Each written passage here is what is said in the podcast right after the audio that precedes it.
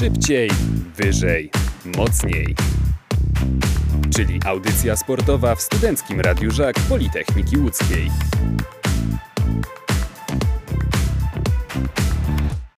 Widzew nie tracił czasu podczas okienka transferowego, w trakcie którego wzbogacił się o piłkarzy każdej formacji. Pierwszy do Widzewa dołączył wypożyczony z Decha Poznań Miłosz Mleczko, grający na pozycji bramkarza. Najowocniej na rynku transferowym Widzew działał w sierpniu, kiedy udało im się pozyskać m.in. Merveila Fundambu, Petara Mikulicia czy Patryka Muchę.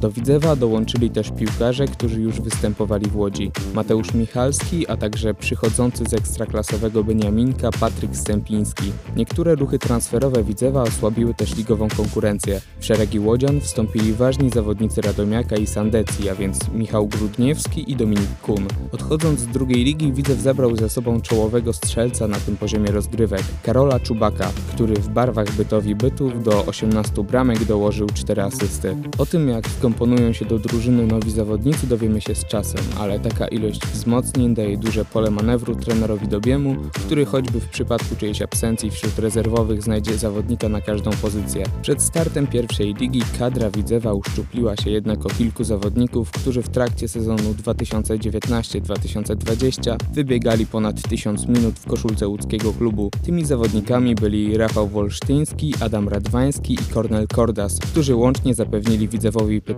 bramek i 7 asyst w ubiegłych rozgrywkach. Poważną rywalizację Widzew rozpoczął już 15 sierpnia pucharowym meczem z Unią Skierniewice. Trzecioligowy zespół odstawał poziomem od Widzewiaków, co odzwierciedlał wynik 4-0 i sympatycy Widzewa mogli cieszyć się z awansu do kolejnej rundy Pucharu Polski. Po tym meczu przed początkiem sezonu Widzew zorganizował jeszcze mecz sparingowy z GKS-em Tychy. Spotkanie pozwoliło zawodnikom na przetarcie się z pierwszoligowym poziomem, które dla Widzewiaków okazało się udane. Mecz zakończył się zwycięstwem Widzewa 3-1 po bramkach Marcina Robaka, Fundambu i Karola Czubaka. Inauguracja sezonu ligowego nie okazała się już tak pozytywna.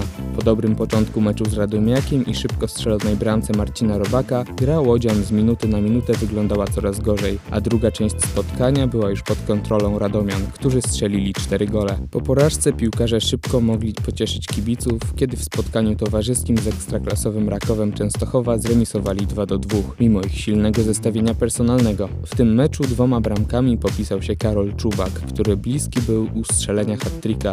Mimo prezentowania wysokiej formy w meczach sparingowych, drugi mecz ligowy, tym razem z Chrobrym Głogów, Karol Czubak rozpoczął na ławce rezerwowych. Brak jakości z przodu przełożył się na brak skuteczności, a dobrze zorganizowana drużyna z Głogowa przy niewielkim oddziaływaniu boiskowego szczęścia punktowała Widzew. 3 do 0 i drużyna prowadzona przez Enkalajda Dobiego z nietęgimi minami podchodzi do derbowej rywalizacji.